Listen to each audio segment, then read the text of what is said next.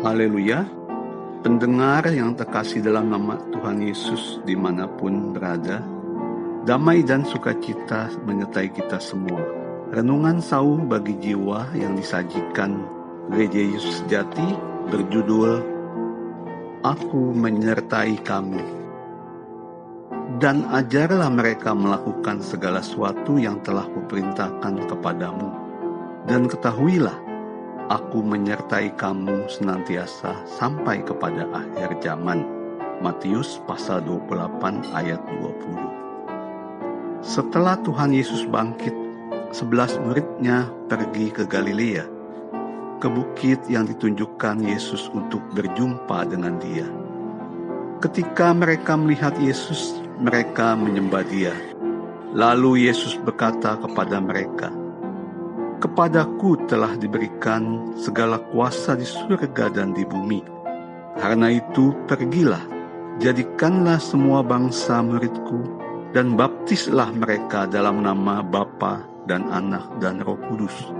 Dan ajarlah mereka melakukan segala sesuatu yang telah kuperintahkan kepadamu. Dan ketahuilah, aku menyertai kamu senantiasa sampai kepada akhir zaman.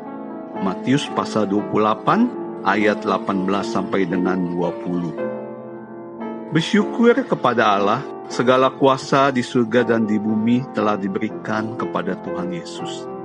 Kalau kita melakukan segala sesuatu yang Tuhan perintahkan kepada kita, maka Dia akan menyertai kita senantiasa sampai kepada akhir zaman.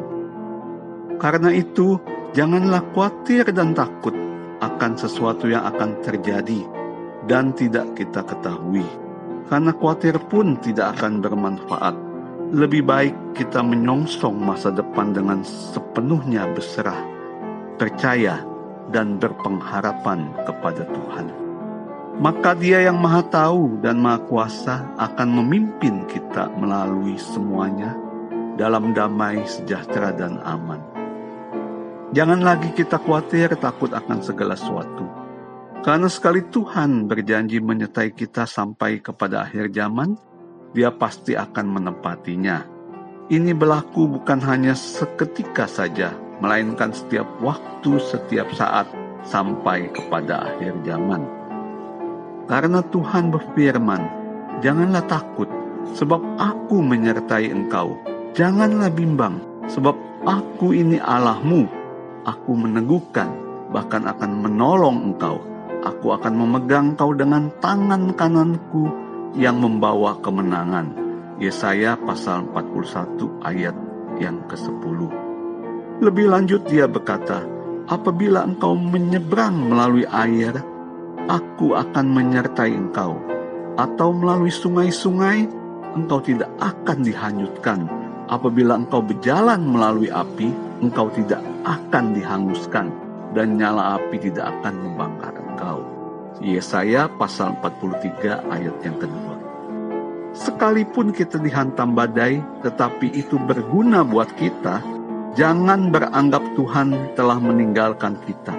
Badai itu hanyalah alat bagi Tuhan untuk melatih kita agar bertumbuh, sama seperti pesawat baru bisa terbang bila melawan angin. Banyak orang beranggapan angin haluan hanyalah menguras tenaga, tetapi sesungguhnya angin haluan menambahkan gaya angkat sehingga pesawat bisa terbang.